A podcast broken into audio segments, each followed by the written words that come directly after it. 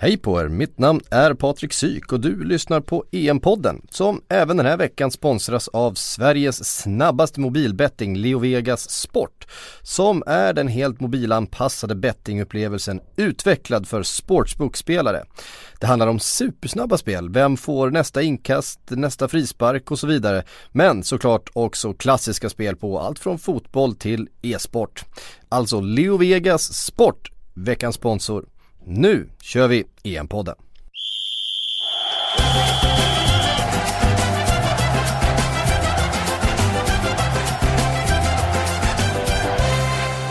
Damer och herrar, vi har nått vägs ände. Vi har en match kvar i det här Europamästerskapet. Mitt namn är Patrik Syk, med mig sitter Patrik Sjögren. Ja. Min ständiga vapendragare i den här poddstudion. Den som ställer upp när, när alla andra är på semester eller i Frankrike och har sina glamouruppdrag, så är det. Ja, eh, Sitter vi här du och jag? Precis, en påläggskalv. Ja, okej. Nej jag vet inte. Nej. Jag vet inte ens vad det betyder riktigt. Ja, det är väl någon slags efterträd, nej jag vet inte exakt heller. Eh, vi har två semifinaler som vi ska gå igenom. Eh, vi kan väl börja i kronologisk ordning tycker jag. För, eh, tyckte du det var trevliga finaler? Eller semifinaler? Finaler, ja Eh, den moraliska och omoraliska finalen har Mm. vi väl döpt dem till redan efter det här eh, oerhört tröttsamma snacket om de olika lottningshalvorna men det finns för lite i det kanske, trots allt. Ja. Eh, ja, nej men, lite mer omoral, lite mindre omoralisk när eh, det visade sig att Pepe inte skulle starta. Ja, ja så var det väl på ett sätt och samtidigt så tycker jag att om man jämför matchkvalitet och eh, om man även tar in underhållning som en aspekt, vilket många är emot att man ska göra men jag väljer ändå att göra det nu så Så var det viss skillnad på semifinalen också om man säger så Viss, viss skillnad i kvalitet. Så Ja. var det. Och vi får väl börja i kronologisk ordning tycker jag.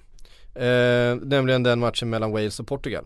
Eh, och matchen mellan eh, Gareth Bale och eh, Cristiano Ronaldo som vi väl ändå får eh, ge till Cristiano Ronaldo på poäng då efter eh, en holmgång där eh, Bale försökte och försökte och försökte men han hade ju lite för lite, lite för tunt runt omkring sig, precis som vi misstänkte. Ja så var det och han lyckades inte utnyttja det han hade runt omkring sig på, på rätt sätt heller, det blev ju mycket no några avslut från distans och lite annat men arbetsinsatsen går ju inte att klaga på så är det ju. Sen, men när man ska sammanfatta det så är det ja Ronaldo, ja ett ass, ett mål.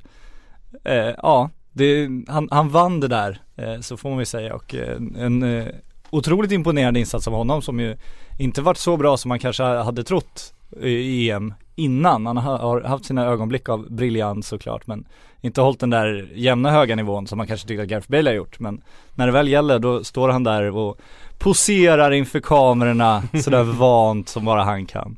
Han, han eh, gillar ju kameror. Han gillar ju kameror och han gillar ju sig själv och hur han ser ut, så är det. Och eh, vi kan väl vara ärliga med att vi körde en liten torrkörningssändning här med Per Boman nyss som var tvungen att fly för att han inte hade tid när, innan vår dator kraschade och då var vi inne på just det där att eh, Ja men skillnaden, jag tycker verkligen vi måste skilja på person och spelare. Jag, det, det är en tröttsam debatt som pågår så fort det går bra för Ronaldo, att man, man hatar Ronaldo. Visst, eh, jag tycker också ganska illa om den varelse Cristiano Ronaldo verkar vara utan att känna honom så väl om man säger så. Men, men som fotbollsspelare så är han ju en av historiens allra bästa och man måste ju kunna hylla honom som fotbollsspelare fast man tycker illa om honom som person. Samma med Messi, man måste ju kunna hylla honom som fotbollsspelare även fast man numera också tycker illa om honom som person. Efter att ha suttit och skyllt hela sin skattesmitning på sin kära pappa och om det nu är sant så undrar jag hur fan man kan dra in x antal miljarder och lita blint på en en, en farsa som växte upp under eh, förhållanden där man inte har haft x antal miljarder, då kanske man borde skaffa lite bättre rådgivare. Ja, eh, absolut. Nu ska vi inte prata Messi kanske i den här podden men Nej men jag kände Eh, att vi måste man- balansera upp hatet mot Ronaldo och kärleken till Messi med att även Messi faktiskt eh, har sina onda sidor detta helgon. Ja, jag föredrar Suarez, det är en fin kille. Ja, Eh. klart du gör. Eh, på tal om hatade spelare. Vi, eh, vi tar väl det som en segway då rakt in i, i matchen och eh, inför så pratades det ju väldigt mycket om de som inte skulle spela eh, dessutom. Det var Aaron Ramsey i Wales och eh, Pepe i Real Madrid. Kanske Real Madrid? i Real Madrid eh, annars. Ja, så är det. I, I Portugal. Ja, det går på I autopilot den här ibland. fula eh, tröjan som såg ut som en innebandyklubba från 90-talet, det Portugal valde att spela semifinalen i. Varför spelar de i bortaställ båda två? Det var väldigt märkligt, och varför spelar de i så fruktansvärt fult bortaställda om de nu måste spela i ett bortaställ? Ja men alltså det där med, med fula och snygga Ja, men fotbollströjor, det vet du, du vet du vad jag herregud, tycker om Ja, Det ja, ja, det där- du det- kommer det- det- försvara Rizzoli strumpor igår också, men det är bara att Ja köra men på de var ju grymma Nej ju. men herregud Älskade de strumporna fan. Domarens strumpor ska vi vara tydliga med att säga, Frankrike-Tyskland Det var bland det värsta över, övertrampet jag sett i Färgen påminner väldigt mycket om ett par eh, gamla skateboardskor jag hade, ett par Sal Barber eh, Baby Blues som jag hade på högstadiet som jag var väldigt, väldigt förtjust i så att jag blev eh, lite tagen av de där strumporna, jag hade gärna haft sådana på mig eh, när säsongen eh, för mig drar igång någon gång i framtiden. Okej. Okay.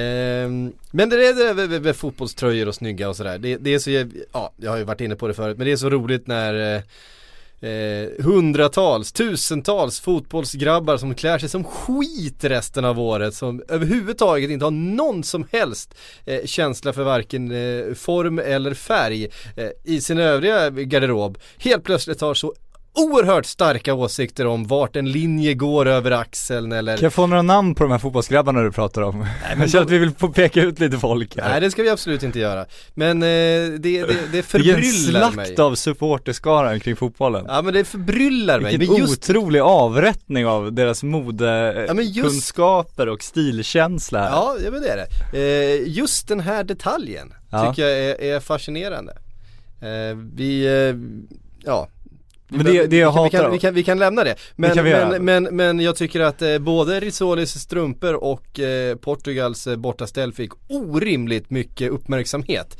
eh, runt de här matcherna. är fullt rimligt tycker jag. Ja, uh, uh, ja du har fel. uh, tillbaks till matchen då, var det ett rättvist resultat till slut? Det kändes som Wales inte orkade med eh, det här till slut. Nej och det kändes som Gareth Bale var väldigt, väldigt ensam. Han behöver sin Aaron Ramsey som någon som kan slå de där bollarna på honom. Eh, det finns ingen annan sån i Wales. Det, det vi har sett saknas i Sverige också på många sätt. Det var väldigt, väldigt tydligt nu. Så att, självklart rättvist. Jag tycker Portugal har, har varit starka genom eh, hela turneringen på ett sätt. Dels de har inte lyckats vinna över 90 minuter. Det har ju varit oerhört svagt. Men det har också känts som om de har varit väldigt, väldigt fega och på något sätt varit nöjda med sina oavgjorda resultat hela vägen. Men det finns ju, man ser ju hela tiden att det finns tendenser till någonting väldigt, väldigt stort där. Man ser i Peppe, inte nu som var, var skadad men han har varit kanske turneringens bästa back tillsammans med Boateng eh, Frånsett italienarna som försvann tidigare Och eh, Ronaldo finns ett hyfsat sparkapital. Jag tycker Nani varit extremt bra i sin anfallsroll. Jag tycker Renato Sanchez har varit hela turneringens utropstecken tillsammans med Griezmann så att Ja, det finns saker där Ja det gör det verkligen. Eh, och eh, hos många har ju Portugal nu seglat upp, eller gjorde i alla fall lite inför matchen igår som en favorit eh, att ta hem hela det här mästerskapet. Man tycker att eh, den här lite mer cyniska fotbollen än vad man är van att se Portugal spela eh, har ju visat sig väldigt effektiv. Eh, och det känns som ett lag som är väldigt svårt att bryta ner. Ja men det känns som det finns liksom två läger igen på något sätt. Det finns de som spelar organiserat och de som bara kör på liksom på något sätt. Alltså och de som litar till sin egen talang. Det är väldigt få lag som varit organiserade och haft en väldigt stor talang. Portugal är en av dem. De, de har ju, kan ju utnyttja sina kontringar på ett ganska effektivt sätt när du har Nani, Ronaldo, Renato Sanchez och andra offensiva vapen. Tyskland var väl det andra som har både organisationen och talangen. Jag tycker de var klart bättre än Frankrike om man ska snudda vid den matchen redan nu. Mm. Eh, de, de var förtjänta att vinna den här matchen. Det var två stora misstag de gjorde. Men de var ju det klart bättre laget. De är ju förmodligen EMs bästa lag. Hade de haft en, en striker av klass, någon anfalls, renodlad anfallare de, de, de litat på så tror jag att de hade hade spelat hem den här EM-turneringen men det, det kändes som det saknades lite tyngd längst fram. Mm.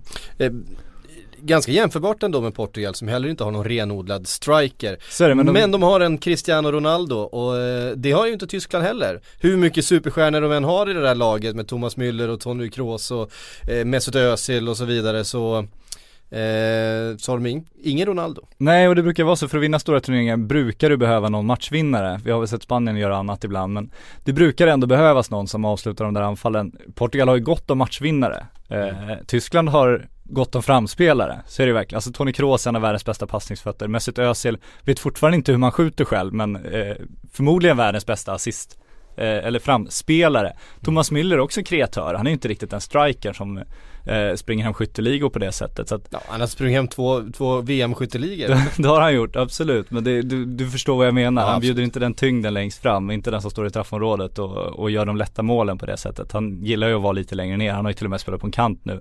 Mm. Från gång till annan. Så att eh, han bjuder inte heller på den grejen riktigt. Så att, eh, och jag tror att Klose var ju Klose och han var inte så bra spelare om man kollar senaste VM-turneringen men det var ju precis det Tyskland behövde liksom. De behöver den gubben längst fram och då behöver inte han hålla så extremt hög kvalitet. Jag tycker det var lite förvånande att de inte tog med någon sån anfallare nu, de har Mario Gomez som var, var bra när han fick spela men inte så bra och de känns inte som de litar på honom fullt ut och sen har de Lukas Podolski som inte alls är den spelaren heller så att jag tycker det var lite märkligt. Mm. Och Mario Gomez som inte fanns tillgänglig igår. Eh, men vi, vi, kommer till den matchen eh, alldeles alldeles strax. Vi ska bara knyta ihop säcken då mellan eh, eh, Wales och Portugal. Hur imponerad är du utav eh, Wales framfart i den här turneringen? Eh, de har ju inte ställts kanske mot det absolut tuffaste motståndet. Eh, Belgien visade sig ju eh, inte var alls så bra som eh, vi hade trott på förhand. Nej, Belgien gav väl bort den matchen. Det var det, det är typ ett sånt lag som hade, om de hade haft en organisation så hade de klarat sig betydligt bättre. Nu hade de inte det överhuvudtaget. De hade bara talang och det, det kommer man inte så långt med när man har en eh, galen anfallare som står och viftar från tränarbänken. Det, det var inget segerrecept. Eh, Wales har ju imponerat såklart. Tycker det var bra i gruppspelet också. Det såg man ju då. De eh, kryssade sig inte vidare som någon, någon av treorna som mm. något annat lag gjorde. Men eh, nej men det är imponerande såklart och det känns sådär, varje gång man ska tippa ett mästerskap så måste man ju hitta ett skrällgäng och sätta semifinal. Det känns som det aldrig slår fel. Det ska vara någon där som inte borde vara där. Och Wales borde ju inte vara där om man ser till eh, kvalitet. Men eh, de har lyft sig. Ashley Williams tycker jag också man ska eh, mm. dra fram. Det känns som utan honom hade de haft eh, väldigt stora problem tror jag. En riktig här förare mm. var viktig för det laget. Jag tyckte det var lite, det var lite roligt ändå när eh, eh portugiserna gick ut och sa att vi ska spela mer fysiskt, vi ska spela mer cyniskt och Wales kontrade med att slänga in James Collins. Ja.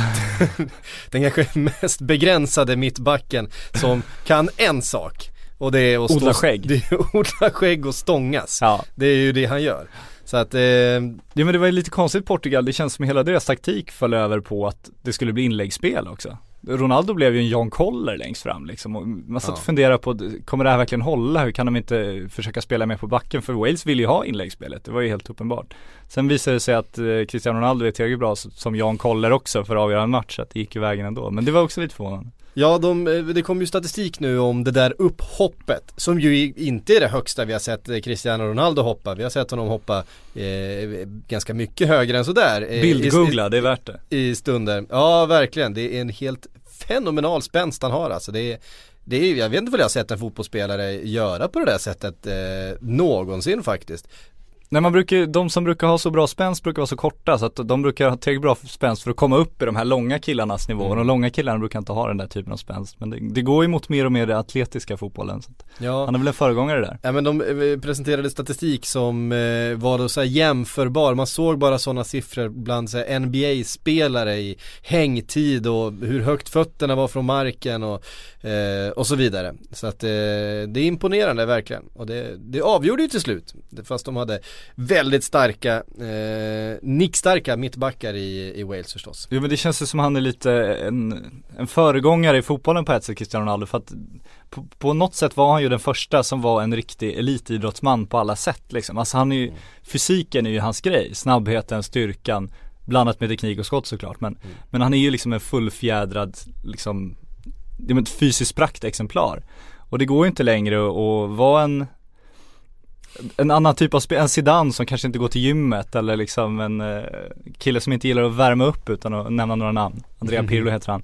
Det blir svårare och svårare att vara, vara, vara, vara bra på någonting och inte bra på allting om du ska vara den där riktigt dominerande spelaren. Ja, eh, helt klart ett eh, Portugal vidare till final då, så ska vi se ifall de får någon upprättelse från eh, Eh, den här finalen mot Grekland 2004 eh, På hemmaplan, på hemma... djupa såren Ja precis, eh, och de kommer få möta en hemmanation då istället i Frankrike som till slut ganska komfortabelt tog sig förbi Tyskland. Det blev i alla fall klara siffror i 2-0 Komfortabelt vet fan om jag håller med om i och för sig Nej, för att det var ju verkligen en match med två halvor Eh, den gamla klyschan. Den gamla klyschan. eh, där Tyskland var otroligt dominanta i första halvlek. Eh, fram tills det där målet, den där straffen. Eh, vad säger vi om det? Jag tyckte ju inte alls när jag såg den första gången. Det kändes som att, ja visst, eh, Schweinsteiger försöker klämma sig fram där liksom. Han skickar upp armen för att, för att tacklas mer eller mindre, för att få upp axeln mot. Eh, bollen styrs då via Evras panna ner på hans hand jag tyckte inte det var någonting eh, att bråka om. Sen när man såg några repriser så inser man att han har, han är ju för det första väldigt mycket tvåa in i den duellen. Eh, hade han inte varit tvåa in i den duellen utan det hade varit på ett lite annat sätt, då hade jag nog kanske inte tyckt att det var straff, framförallt inte gult kort. Det tyckte jag var väldigt märkligt, men straffen kan jag köpa med, eh, med några repriser. Ja, jag tycker också, när man, när man det är den här klassiska klyschan också, ja, sju repriser och så, men vi kan ju konstatera att det är inte fel att blåsa straff där. Nej. Det kan man ju, och sen kan man också tycka, ja, det är förmodligen inte medvetet, jag tror inte heller han gör det där för att boxa bort bollen. Nej. Men det är ju inte det I man ska I så fall missar han ju bollen ganska grovt. Eftersom, ja. eh, eftersom, det är väl Ebra va? Som, ja, eh, som nickar. Eh, faktiskt eh, träffar den med pannan och styr ner den på, eh, på handen. Men hela min bild av det är att det är otur att han hamnar där och det, är, och det är otur att det blir straff men jag tycker också att det, det går inte att klaga på att det blir straff. Och om man läser tyska tidningar idag så är det så här, ja men eh, Collina, Uefas domarchef, han skickar ut eh, den italienska domaren för att sänka Tyskland efter att eh, Tyskland slagit ut Italien, det var en hämndaktion och de har liksom sina konspirationsteorier. Men inte ens de kan komma fram till, trots de här galna konspirationsteorierna, till att straffen var säkert fel. Så att, eh, och det säger en del, då, måste, då kan den inte vara säkert fel. Så att, nej, nej jag tycker som, att det var ett bra domslut ändå. Så det var någon som skrev, eh, domarkåren har nu tilldelats eh, VM 2026. Snyggt. Uh, ja, uh, Nej men jag tycker där, där ska man försvara domaren tycker jag. Han kommer ju få skit för det där för att det var en, en, en tveksamhet för att man inte upp, upptäckte det så uppenbart direkt. Men efter alla repriser så tycker jag att han, han gör ju rätt liksom. Ja, man, det, är inte det, fel det, det gula kortet tycker jag är felaktigt. För ja, för men, jag, men det, är, jag, det är inte heller det någon kommer klaga på. Nej, så. och det, det blir ju inte matchavgörande heller nej. på något sätt. Um, det blir straffen däremot. Annars är Tyskland som ju hade en del eh, problem, inte minst för att Sami Khedira eh, var skadad. Eh, man hade också Mats Hummels avstängd, vilket ju blev kännbart när eh, Boateng en bit fram i matchen fick eh, kliva av skadad. Då hade man nog gärna haft den där eh, försvarschefen. Nu fick Hövedes dra det lasset, vilket han ju förvisso gjorde eh, förtjänstfullt. Men... Ja, och det var inte där det brast heller. Det var ju dels Schweinsteiger som har lite otur, han har fel där och sen Joshua Kimmich som tappar boll. Och mm. hemspringet när Paul Pogba står och latchar med bollen i 15 sekunder där, ja. Mm. Alarmerande. Kolla ja. på de reprisbilderna, så helt still hela det tyska laget. Ingen är intresserad av att komma hem och bara lösa den situationen. Så att de får ju en gratis chans där. Men det var ändå lite förvånande tyckte jag hur Löv ställde upp det här laget. Alltså rent på pappret, man, man ställer upp ett 4-3-3 eller 4-2-3-1 hur man nu väljer att se på det. Med en Tony, sätter man då Tony Kroos som nummer 10 då får väl ändå kalla det för en 4-3-3 för han kommer mm. inte ligga där uppe utan han kommer sjunka. Men vi såg en, en Emre Can starta sin första match och i stort sett i alla anfall ligga 20 meter framför Mesut Özil.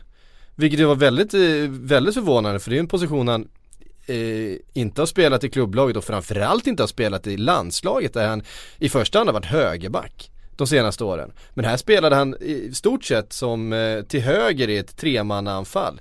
Eh, precis eh, bredvid eh, Thomas Müller och där såg han ju ganska vilse ut eh, många stunder. Ja, kass första tio kan man säga. Han hade kämp, kämpigt första tio. Eh, sen så kom han in i det och, och, och Spelade fram, framförallt fram då till den där eh, farliga chansen för Thomas Müller, hade också ett ganska bra skott eh, själv, själv och, och, försökte ju göra det mesta. Han är ju en eh, kille som gillar att ta lite plats på en fotbollsplan. Han, han är rätt övertygad om sin egen eh, förmåga. Sådär. Men, men förvånande att det var så Löv valde att eh, formera det tycker jag. Eh, samtidigt så fick han ju Mesut Özils då fina uppspelsfot då eh, tillsammans med Bastian Schweinsteiger som väl egentligen har det helt okej fötter också tycker jag. Eh, så jag, jag, vet inte men, men eh, det var lite förvånande, jag tyckte man tappade, jag tyckte Tyskland tappade väldigt mycket anfallskraft genom att göra så. Istället för att spela till exempel en Schürrle eller en eh, Mario Gomez som sen kom in då för, för Chan, som, nej inte Mario Gomez, Mario Götze. Eh, Ja, tappade, man... man... tappade ganska mycket anfallskraft. Ja, jag tycker också man, som vi sa, man saknar de där avslutarna, de där matchvinnarna. Alltså mm. Müller är ju en avslutare, matchvinnare på sätt och vis. Han, han kan vinna skytteligor, absolut. Men det är inte den tyngden längst fram. Om man tittar bredvid honom då, ska liksom Emre Can göra det? Nej, det kommer han inte göra. Tony Kroos, inte den typen av spelare. Mesut Özil vet som sagt inte hur man ska skjuta än för att han, är, han letar alltid efter passningar. Han gör det briljant men han skulle må bra av att och ta lite egna avslut för att han har ett bra skott också. Schweinsteiger är inte den typen heller. Då har man liksom räknat upp mycket av den offensiva linjen, det är inte så mycket kvar. Då är det Draxler och Müller som ska göra det och det, Draxler gjorde vad han kunde, Müller gjorde vad han kunde men det räcker liksom inte, det blir inte den tyngden och absolut, Kyrle Götze som jag tycker är konstigt att han fått så mycket förtroende för jag tycker inte han varit bra alls, mm. det är konstigt att han kom in också men De har saknat dem och eh, i truppen kan man väl också ifrågasätta varför det inte fanns fler renodlade anfallsspelare. Mm.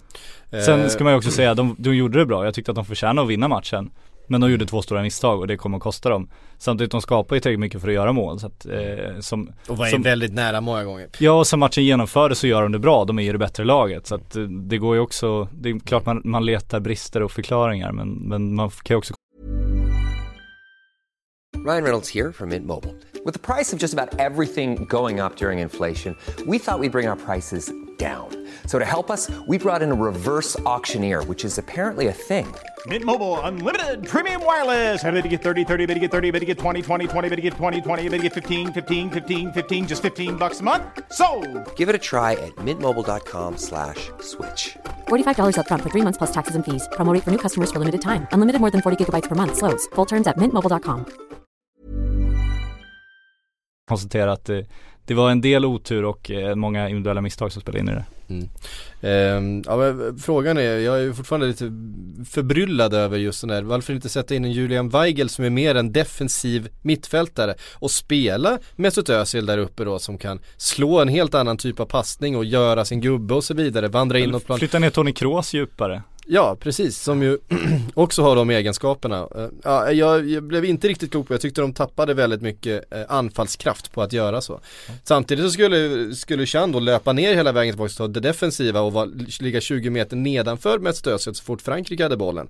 Eh, och då vart han ju ganska ofta felplacerad istället i, i den förflyttningen. Det är också konstigt att de inte tydligare som ju, eh, det SVT tjatade ganska mycket om i, under matchen igår, kommentatorerna Chris och Glenn, men som de hade helt rätt i, att Paille fuskar ju väldigt, väldigt mycket defensivt. Mm. Evra blev ju helt ensam på vänsterkanten.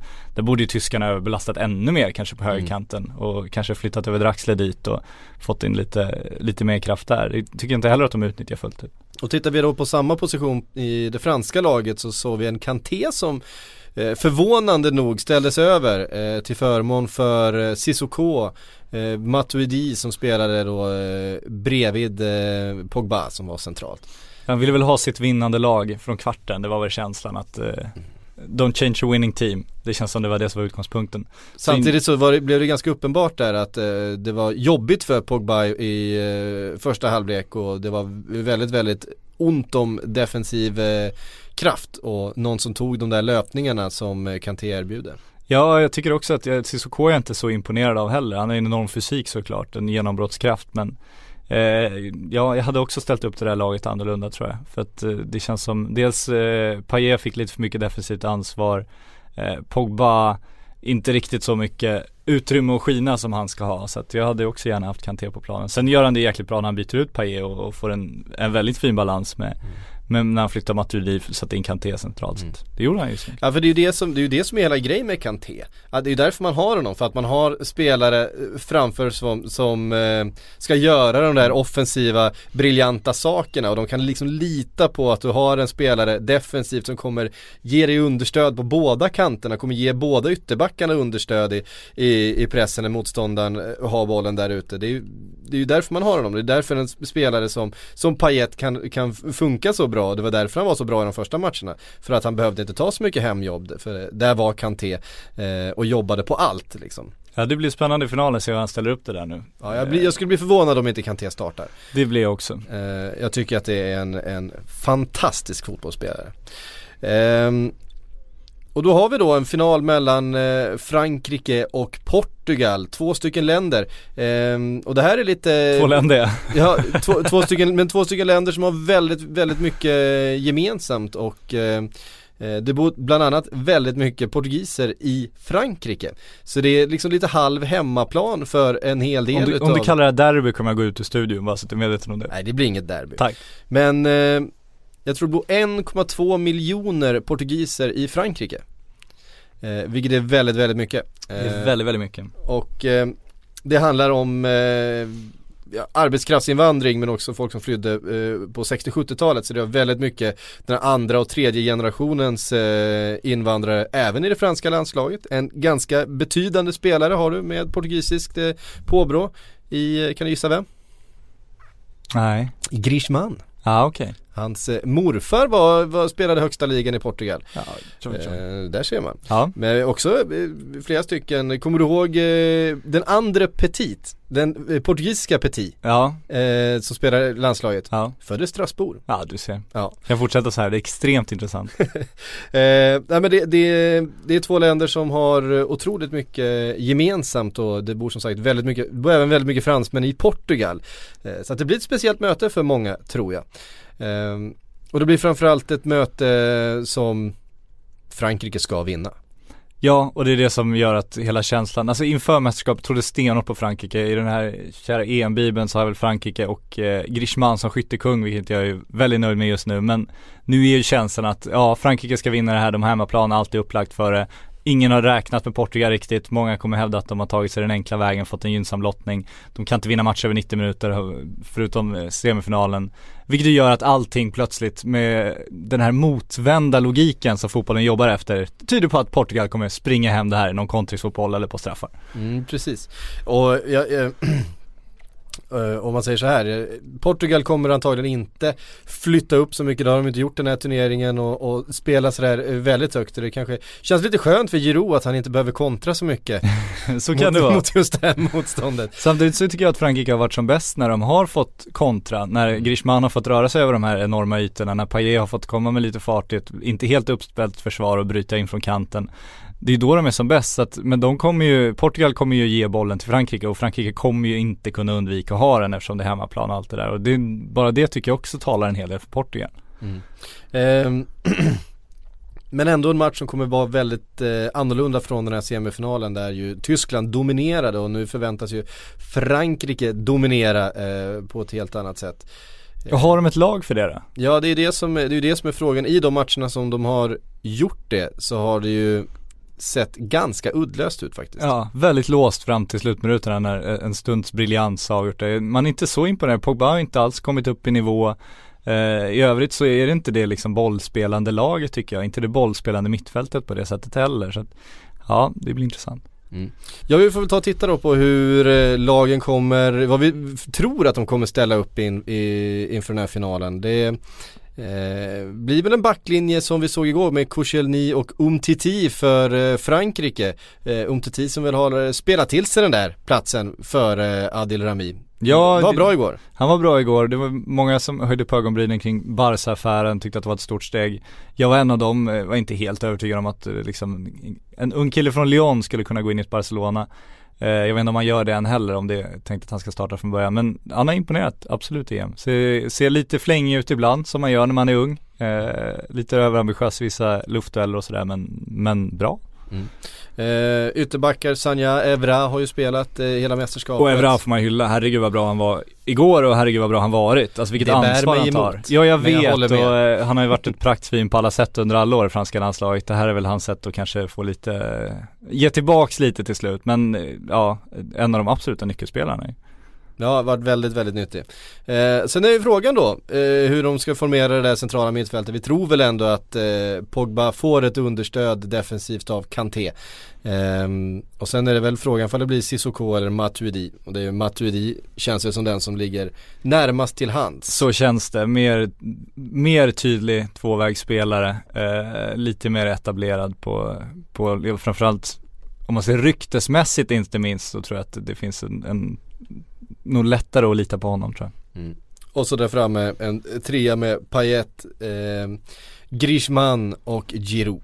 Ja. Det är ju inte mycket att det är inte mycket ord om mycket ord om, nej, nej, så är det ju. De, eh, Payet var väl den som hade kunnat spela sig ur det här laget om man tittar på när de ställde upp inför EM, men eh, han har ju varit en av de absolut bästa. Giroud gör ju enormt mycket nytta. Han eh, gör ju det han gör i Arsenal, men nu finns en Griezmann bakom som eh, gör målen också, som Giroud fortfarande inte gör. Så att, men han är extremt viktig. Mm. Eh, och Portugal då lär väl eh, ställa upp ungefär som eh, man gjorde mot Wales men får tillbaks William Carvalho. som borde gå rakt in och starta den här finalen. Kommer gå rakt in och starta, det kan vi nog vara relativt säkra på. Så får vi se hur Peppe mår då. Mm. om han kan spela. Det är ju, kommer bli en rätt viktig, viktig pjäs där in och, och stångas med Giroud kan man tänka sig. Så är det. heter han, eh, Bruno Alves eh, är väl inte riktigt av samma eh, dignitet. Han blev uppsnurrad utav Hal Robson Cano ett par gånger i, i semifinalen också. Det, det, är väl kanske inget man sätter i CV direkt. Nej, så är det väl inte, även fast vi gillar Hal Robson Cano såklart. Det gör vi, alltså så som han fintade upp hela det belgiska försvaret. Och där finns det några namnkunniga spelare också så att, ja. ja. Eh, Kanske inte så mycket den matchen i och för sig när det var en del borta. Ja, eh, helt klart. Nej men eh, ett Portugal där ju det mesta förstås handlar om Cristiano Ronaldo. Cristiano Ronaldo och Nani. Jag, ty jag tycker ja. inte vi ska glömma Nani. Han har varit väldigt, väldigt bra. Eh, innan semin tror jag var så han har varit inblandad i hälften av alla Portugals mål. Så att han, han har varit en, en avgörande spelare. Eh, Ronaldo light kan man väl kalla honom för kanske.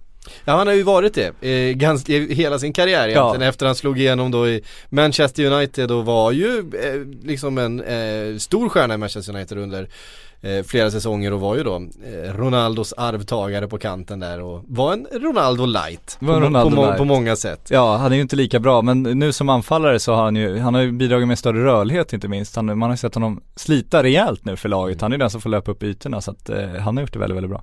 Ja. Och så ser vi fram emot att se Renato Sanchez igen såklart. Ja, det är väl hela turneringens eh, största behållning att se den här 18-åringen springa runt som han eh, vore 29 och en etablerad eh, världsartist. Och nu ska vi ta det här, för att du vill inte ta det här, men jag, jag tänker inte undvika åldersämnet. Det går inte att undvika åldersämnet när man pratar om Renato Sanchez, för alla kommer ju säga det, men han är ju 23 egentligen, för det finns den här teorin eftersom hans föräldrar registrerade honom som, eh, som medborgare i Portugal, döpte honom först efter fem år för att mm. eh, hans pappa lämnade hans mamma och det var inte hans mammas första prioritet kanske att se till att all byråkrati var på plats. Hon hade nog nöjd med, nog med att försörja den där familjen som inte mm. kommer från de eh, rikaste förhållanden om man säger så. Men, men jag tycker hela debatten är så skev för att det är så, ja men om vi, om vi ponerar att han är 23 då, säg att han är det. Han är fortfarande en helt fantastisk fotbollsspelare. Jag skulle säga att hans värde inte är så dramatiskt mycket mindre. Och jag, jag, det finns ju inget fusk i det heller då, alltså det, det finns ju inget så, alltså det spelar ingen roll om han är 23 eller 18, han gör ju samma insats på fotbollsplanen. Och om han nu är 23, varför har Benfica inte låtit honom spela i fem år redan i så fall? Ja, så att det finns så många frågor där tycker jag alltså för att, Nej men det där handlar väl, det, det, det kom, kom inte liksom. hela grejen bara från någon konstig anklagelse från en eh, eh, någon, någon manager i den portugisiska ligan som inte hade någon grund och så växte det där till någonting som, som det inte var. Det finns ju ett, eh, ett eh, födelsebevis på honom där, där han är 18 år gammal och det är liksom från sjukhuset ja, sen var han inte registrerad på, jag vet inte exakt hur registreringen fungerar i Portugal men det skedde i samband med att han döptes fem år senare. Mm. Och det är ju inte helt ovanligt i sådana länder. Så att, nej, jag, men jag, det jag tycker är intressant är, är, ju inte debatten och inte anklagelsen. Det jag tycker är intressant är liksom betydelsen av det egentligen. För mig spelar det ju ingen som helst roll om han är 18 eller 23. Jag tror inte, jag tror Bayern München hade betalat precis lika mycket för honom om han var 23 som man, om han nu var 18. Så jag tycker att det är en sån icke-debatt vilket gör att jag bara måste få rasa lite mot det. Ja, eh, gör det. Den har, det har väl inte varit så mycket en debatt i Sverige heller utan det har väl Nej den har väl växt nu när Renato Sanchez har blivit lite, ett större namn. Ja, det har varit en stor debatt i Portugal Ja och den kommer ju förfölja honom genom hans karriär om han nu blir framgångsrik, så kommer det ju alltid vara. Vilket vi kan väl eh, Räkna med att han kommer bli. anta att han kommer bli. Ja om psyket håller så kommer det där gå bra. Ja, eh, utan tvekan. Eh, Ja, Mark Klattenberg ja. Eh, får, får EM-finalen. Mark Tungan Klattenberg Ja, den, den såg inte jag riktigt komma i alla fall inför den här turneringen. Nej men undrar vad Peppe känner kring den utnämningen, det blir intressant att se. Ja just det, han eh... Det var han som slickade upp Peppe. Ja precis. I Champions League-finalen där va? Ja Eh, ja den var, den var spännande. Men är de inte jävligt, eh, det känns som Uefa, jag tycker Jonas Eriksson har förtjänat en final i x antal år. Jag tycker att han återigen var en av turneringens bästa domare. Han är ju hyllad i världspressen också. Men det känns som de vill ha liksom en italienare eller en engelsman eller någon från de största ligorna hela tiden. De vågar inte riktigt lita på att en allsvensk domare ska kunna ta en stor final. Det är min känsla i alla fall. Hade han dömt Premier League är jag övertygad om att han hade fått finalen. Är inte det också en liten eh ska man säga, kompisgrej med de stora förbunden också. Att det, det är liksom en fjäder i hatten för FA att eh, visst vi kanske inte hade ett fotbollslag som gick hela vägen men kolla vi har en domare i finalen. Så kan det absolut eh, vara. Och det är samma sak med de tyska och den italienska domaren. Nu tycker jag i och för sig Risola är en väldigt, väldigt duktig domare.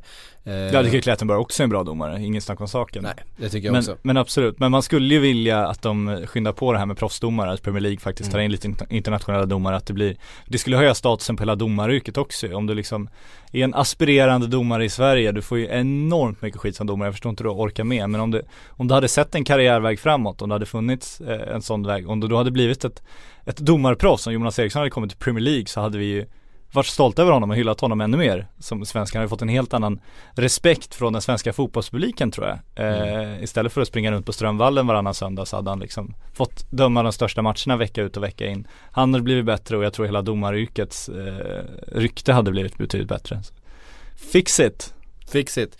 Eh, ja absolut, det skulle vara eh, någonting, eh, ett nyttigt steg att gå tror jag. Ja och eh, snyggt också att se när, när ligorna ska kriga om de bästa domarna och eh, mm. värva dem och skriva avtal och sådär. Det hade varit intressant. De hade hamnat i England allihop för det där Det hade de blivit, det hade de blivit. det är ju tyvärr så.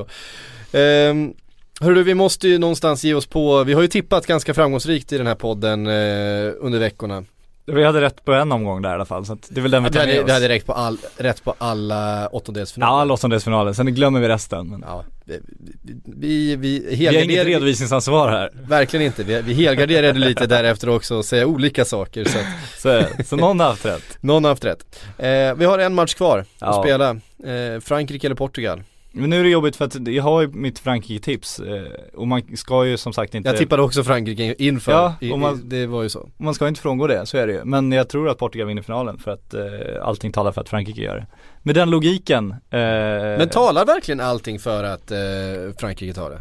Jag tycker Frankrike imponerat mest. Vi har sett eh, Portugal inte har lyckats avgöra matcher. Det är precis det Frankrike varit bra på. Jag tycker Frankrike har skyttekungen i sitt lag. Eh, de har hemmaplan.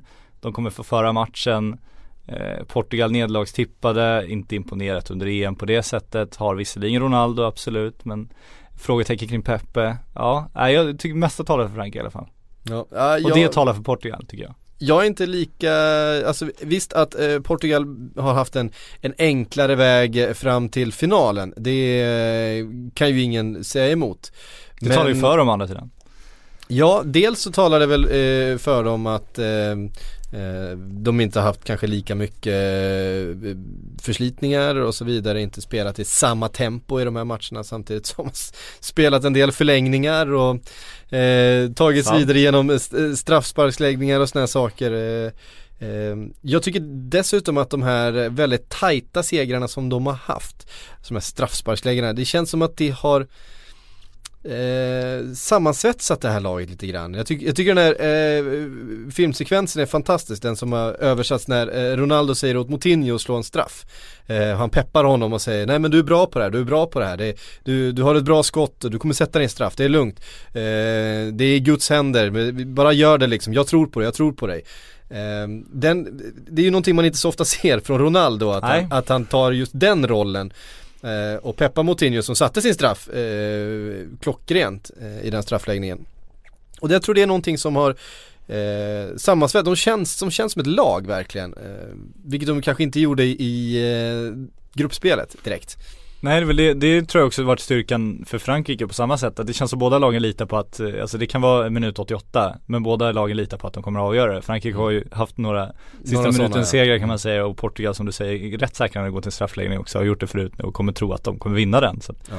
Absolut. Ja, går, det till, går, går det till straffläggning så är jag helt övertygad om att Portugal tar det nu. Ja det tror jag också på grund av anspänningen och så. Eh, hemmapubliken också. Det blir nog jävligt jobbigt för fransmännen. Men ja, men jag tror Portugal eh, kommer kontra hem det. Sen kommer dessutom Portugal ha väldigt starkt stöd även på läktaren och runt omkring med tanke på alla portugiser som bor i Paris. Jag tror att eh, Paris, om man ser till antalet portugiser så är det Portugals typ femte största stad eller någonting. Ja. Eh, det är så pass, så det är väldigt mycket Portugal i, i Paris och det tror jag kommer hjälpa dem. Och sen ska man inte underskatta heller att Uefa har sålt ut en stor del av arenan till sponsorer och andra kompisar och annat som kommer liksom, ja. Ja, jo men det där är ju Spä ut det där trycket. Ja, eh, det hör ju till det också. Det gör ju det, men det, det, det, påverkar ju stämningen också. Ja, eh, lite grann. Nej men jag, jag, eh, jag är nog inne på att eh, Frankrike tar det också, men jag tycker det känns som att det är väldigt, väldigt jämnt inför. Jag tycker det är ett Portugal som verkligen ser ut som ett kollektiv och som ju har den bästa spelaren i hela, i hela mästerskapet i Cristiano Ronaldo. Men om du ska välja en då? Nu har jag ändå valt Portugal. Det går emot mig men jag, jag har gjort det. Ja men jag säger ändå Frankrike. Ja. Eh... Då kommer vi få rätt igen.